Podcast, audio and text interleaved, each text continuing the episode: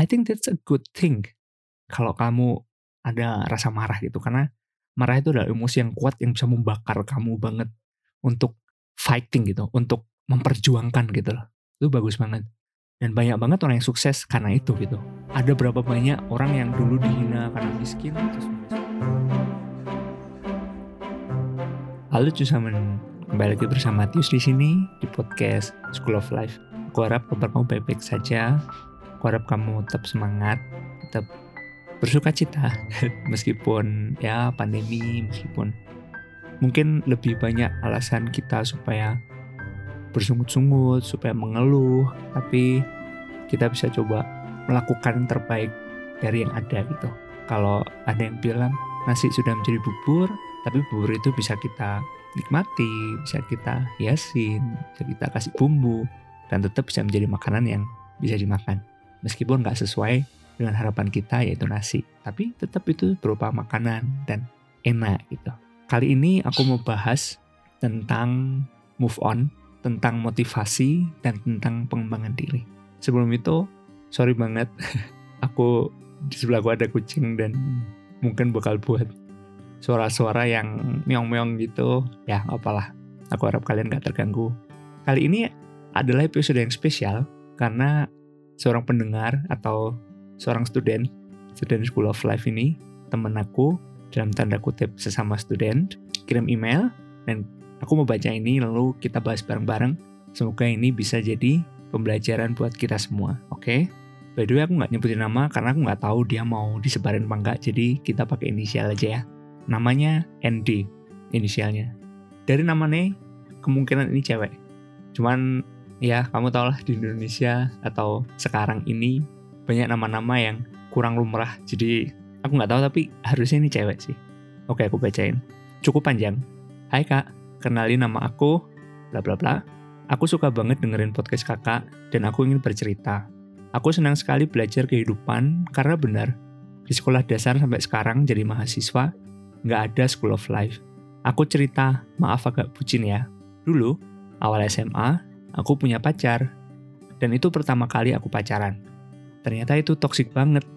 Kayaknya, yang aku lakuin semua salah, dan akhirnya aku memutuskan untuk meninggalkan hubungan yang toksik ini. Ternyata jauh dari dia juga lebih sakit sampai sekarang udah tiga tahun gak ada kabar. Hehe, bulan Juli kemarin, serumah positif. Aku sendiri yang negatif. Aku stres banget. Dan menurutku, hanya dia yang bisa nenangin. Akhirnya aku chat dia, dan apa yang terjadi? Dia nggak peduli WKWK. Ya udah, aku nyesel banget cerita sama dia. Tapi tetap aja, aku tetap belum bisa move on. By the way, kita sama-sama belum pernah punya pacar lagi. Itu yang bikin aku yakin. Dan itu juga yang sering jadi penghambat aku untuk berubah. Agar tidak males, karena tiap hari pasti ada galaunya. Ada nangisnya, keinget dia, terkesan lebay, tapi serius, selama tiga tahun ini, kayaknya aku pengen puasa sosmed seperti kakak dari IG sama Twitter. Tapi kok susah? Gini loh, aku pengen buktiin sama dia bahwa aku tuh hebat karena prestasi, bukan dapat cowok yang lebih ini itu. Dan bener banget, di podcast kakak itu, ada yang menjelaskan bahwa sekalinya bolos, pasti ketagihan. Aku dulu SMA sering banget bolos, males-malesan, dan gak pernah membaca buku. Dan sekarang, di semester 3 ini, bener-bener pengen berubah untuk nggak males, biar IPK-nya bagus. Tapi di pikiranku, kalau mau ngerjain sesuatu, pasti di pikiran bilang nanti dulu, scroll IG 5 menit, dan akhirnya 5 jam. Jujur, candy banget. Gak baik, candy, ini candu kali ya, candu banget gak baik. Tipsnya, gimana biar nggak labil?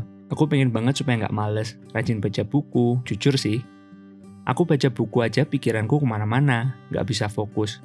Padahal temanku pada pinter, kayak insecure banget, tapi aku males. Pengen berubah, tapi hanya angan-angan aja, gak ada tindakan. Pengen banget bikin bapak ibu bangga, punya aku, biar gak sia-sia ngelahirin aku, WKWK. Karena selama 19 tahun ini, aku gak pernah bikin beliau bangga, gak pernah bikin nangis bahagia buat mereka. Aku sebenarnya yakin sih, kalau usaha dengan giat pasti aku juga bisa. Karena temanku yang lain pun bisa pinter rajin baca. Tapi malesnya itu. Tanda kurung, aduh maaf banget ini kak. Ceritanya nggak jelas. Semoga dibaca ya sama kakak. Stay healthy kak. Oke, terima kasih banget buat saudari ND. Thank you for sharing your story with us. Pleasure banget bisa bacain, pleasure banget buat dengerin. Kita sama-sama belajar dan aku senang dapat feedback juga gitu. Thank you very much.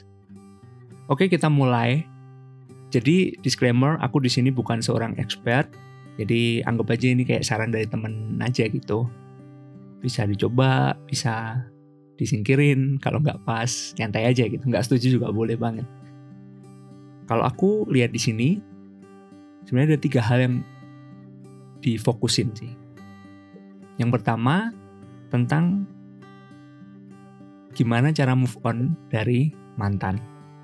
Mungkin lebih spesifik lagi dari first love, kan dia pertama kali pacaran.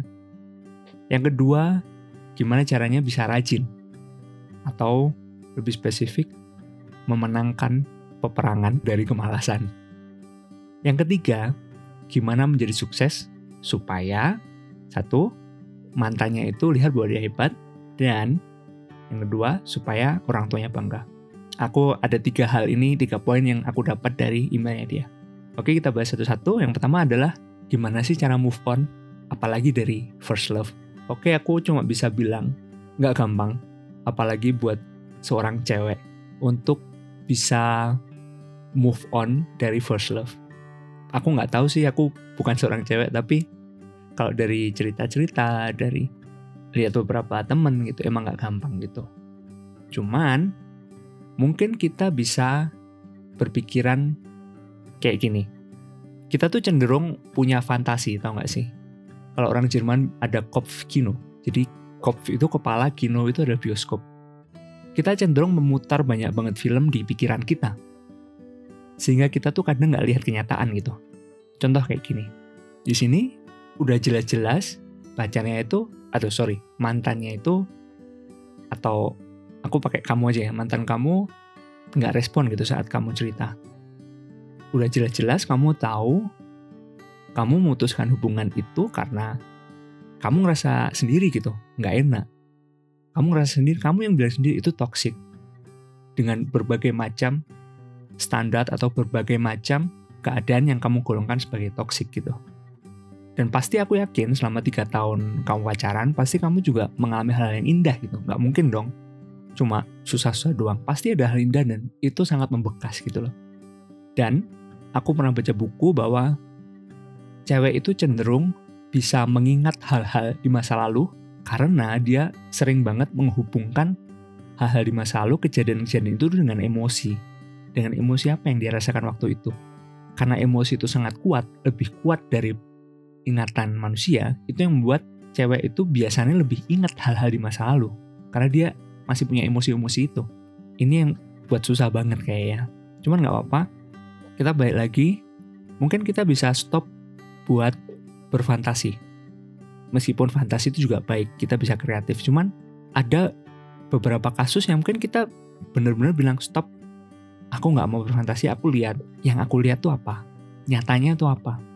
Dia chat gak balas, terus dulu toxic. Kalau emang kamu mau memperjuangkan cinta kamu, nggak apa-apa juga loh. Maksudnya, kalau emang kamu melihat dia itu sosok yang patut diperjuangkan, kamu lihat dia itu satu-satunya orang yang bisa mengisi hati kamu, kalau kamu lihat seperti itu, nggak apa-apa perjuangkan. Tapi jangan itu menjadi satu-satunya fokus dalam hidup kamu gitu.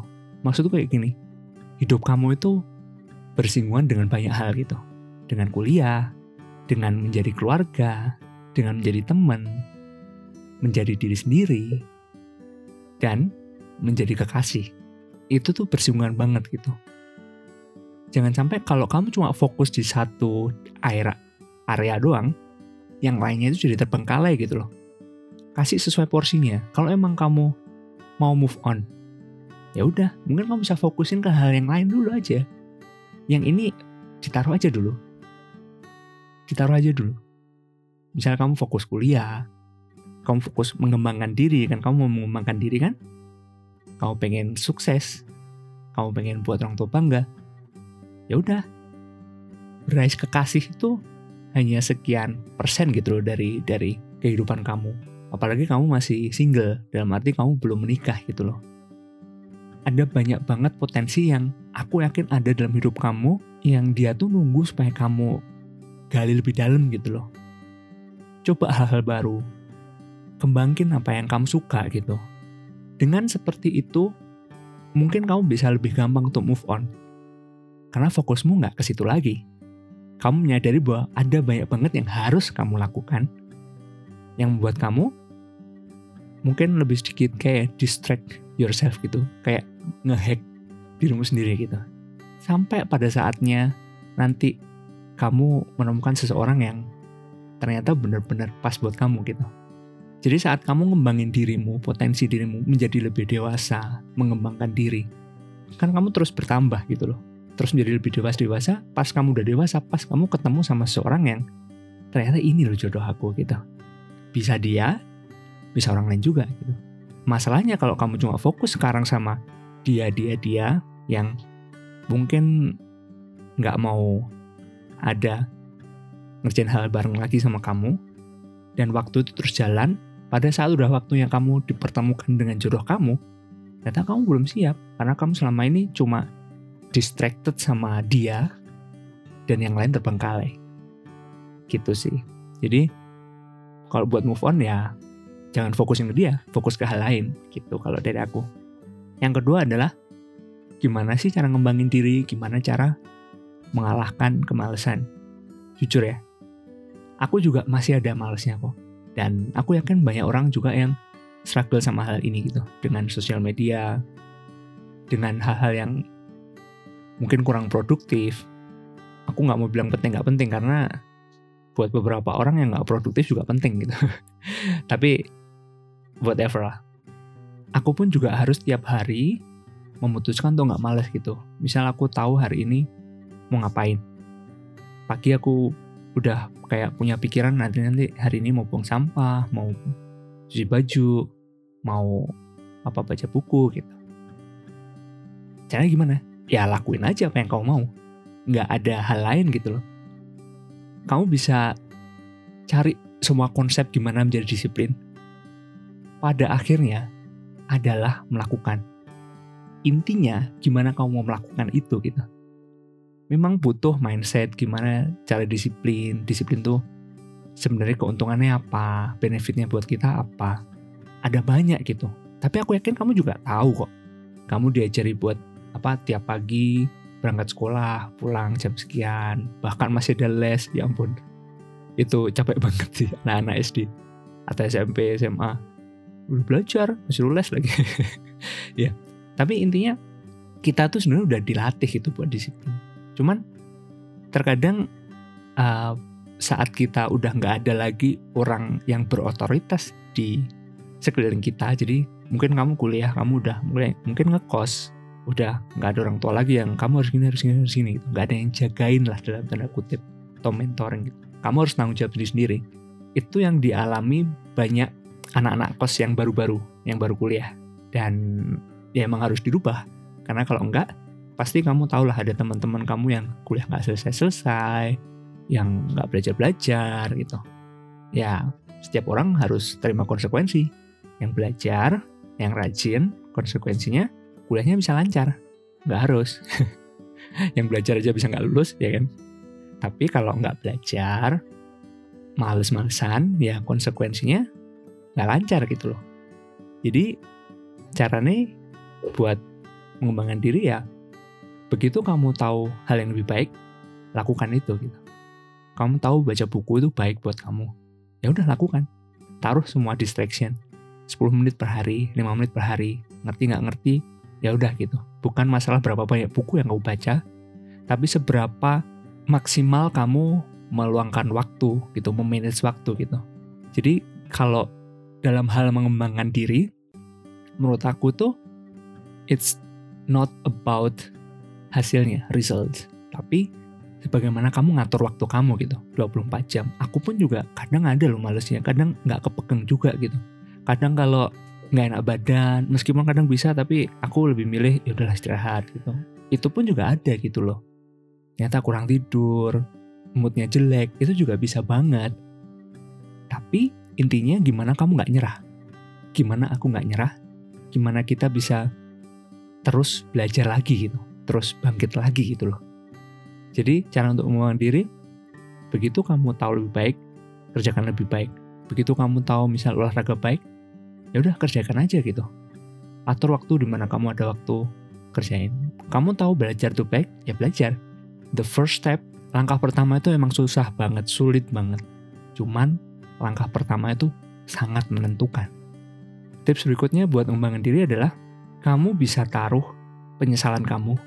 Misal kamu udah bilang seminggu ini aku mau baca buku tiap hari. Satu, dua hari, tiga hari bisa gitu. Hari keempat bolong. Hari kelima bolong. Karena kamu ngerasa, ya aku udah bolong gitu. Begitu males, ya udah males-males terus bolos, bolos, bolos terus gitu. Karena ya udah udah kita juga punya itu loh apa peribahasa udah terlanjur basah ya udah nyemplung aja sekalian kan kayak gitu padahal mungkin udah terlanjur basah kita nggak harus nyemplung kita bisa keringin gitu loh. Ya udah emang emang butuh waktu lebih tapi kan kita bisa keringin gitu kita nggak harus nyebur gitu loh. Itu aja sih jadi kamu bisa nyesel kamu bisa belajar dari kesalahan kamu penting banget belajar tapi stay fokus lihat lagi apa yang kamu kerjain lalu kerjain. Lebih optimal lagi kalau kamu punya temen dalam belajar dalam baca buku dalam hal-hal positif yang pengen kamu kembangin gitu. Karena temen itu membuat lebih semangat sih companion gitu loh jadi nggak ngerasa sendiri. Kalau pas lagi males ada temen baca yuk gitu. Meskipun pada saat itu kamu bisa aduh males banget gitu. Terus dia baca sendiri. Cuman seenggaknya ada orang-orang yang yang mau nemenin kamu gitu dan kamu bisa nemenin mereka juga. Gitu sih lalu yang terakhir yang ketiga tentang sukses tentang membuktikan diri tentang membuat bangga kalau menurut aku ini sebenarnya tentang motivasi sih. Motivasi kita kenapa sih kita itu mau berhasil, ya kan? Kalau di kasus ini kamu mau berhasil karena kamu membuktikan sama mantan kamu bahwa kamu hebat. Bukan karena kamu punya cowok yang lebih dari dia, tapi karena kamu berprestasi gitu. Karena kamu sukses. Mungkin nanti kalau udah selesai kuliah karena kamu punya karir gitu. Dan kamu pengen buat bangga orang tua karena kamu sukses. Di sini aku bisa lihat kamu ada sedikit kemarahan gitu loh. Kalau aku salah, sorry ya. Tapi aku bisa lihat kamu ada kemarahan karena kamu tulis, aku tuh pengen buktiin bahwa aku tuh hebat gitu. I think that's a good thing. Kalau kamu ada rasa marah gitu, karena marah itu adalah emosi yang kuat yang bisa membakar kamu banget untuk fighting gitu, untuk memperjuangkan gitu loh. Itu bagus banget. Dan banyak banget orang yang sukses karena itu gitu. Ada berapa banyak orang yang dulu dihina karena miskin, terus menjadi sukses, kaya, karena dia bilang aku nggak mau dihina lagi gitu. Ada kemarahan gitu. Dia bener sukses. Bener banget, sukses banget gitu. Cuman di sini aku sedikit khawatir sih. Kalau misalnya motivasi kamu adalah supaya orang lain mengakui kamu, jadi supaya mantan kamu mengakui kamu hebat, atau orang tua kamu jadi yang bilang aku bangga sama kamu, bukan salah. Tapi aku khawatir saat ternyata respon mereka nggak sesuai dengan apa yang kamu harapkan saat kamu berada di titik yang kamu anggap kamu sukses, itu akan membuat kamu jatuh lagi gitu. Itu akan membuat kamu lebih down lagi gitu, kecewa. Aku udah lakuin ini semua tapi tetap aja orang tua aku nggak bangga. Aku udah lakuin ini semua tapi tetap aja mantanku cuekin aku gitu, nggak peduli sama aku. Tahu ya maksud aku? Maksudnya aku nggak bilang itu sesuatu yang salah, tapi aku khawatir gitu loh. Kalau itu membuat malah jadi down nantinya. Jadi gimana dong bro? Gini, cari di dalam dirimu, pastiin kalau kamu mau melakukan sesuatu, kalau kamu sukses, jangan buat orang lain, tapi buat kamu, buat diri kamu.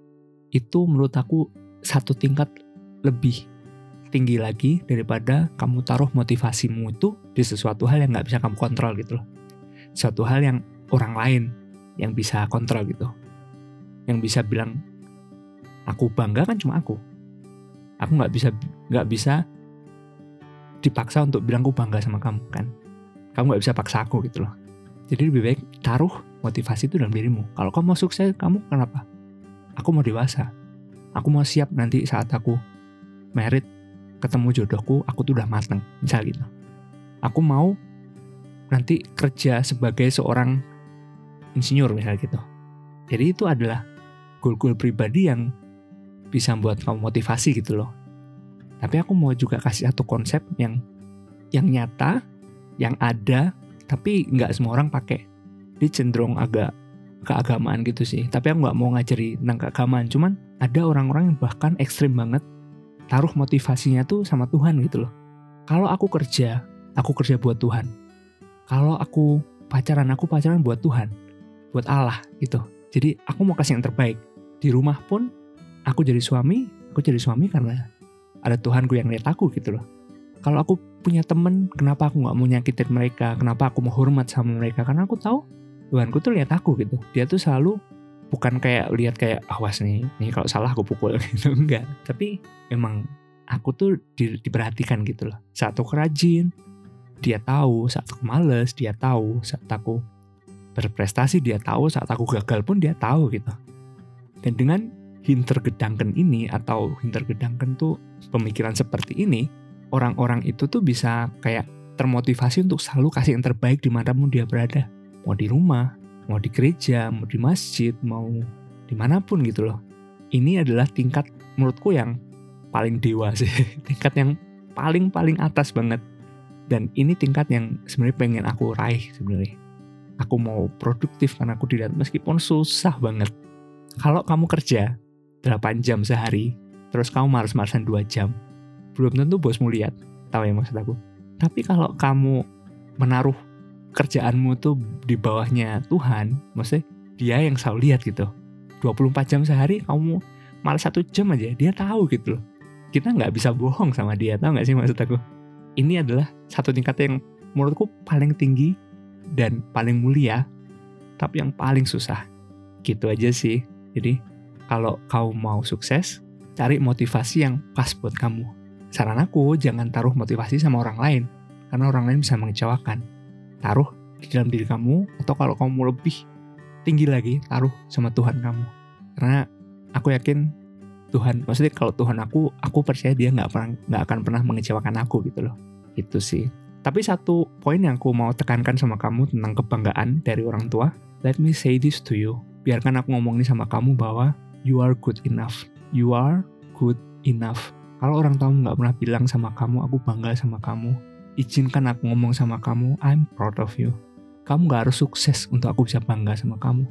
Kamu gak harus punya karya yang bagus buat aku sayang sama kamu gitu. Sebagai teman, aku hormat kamu, aku hargai kamu gitu.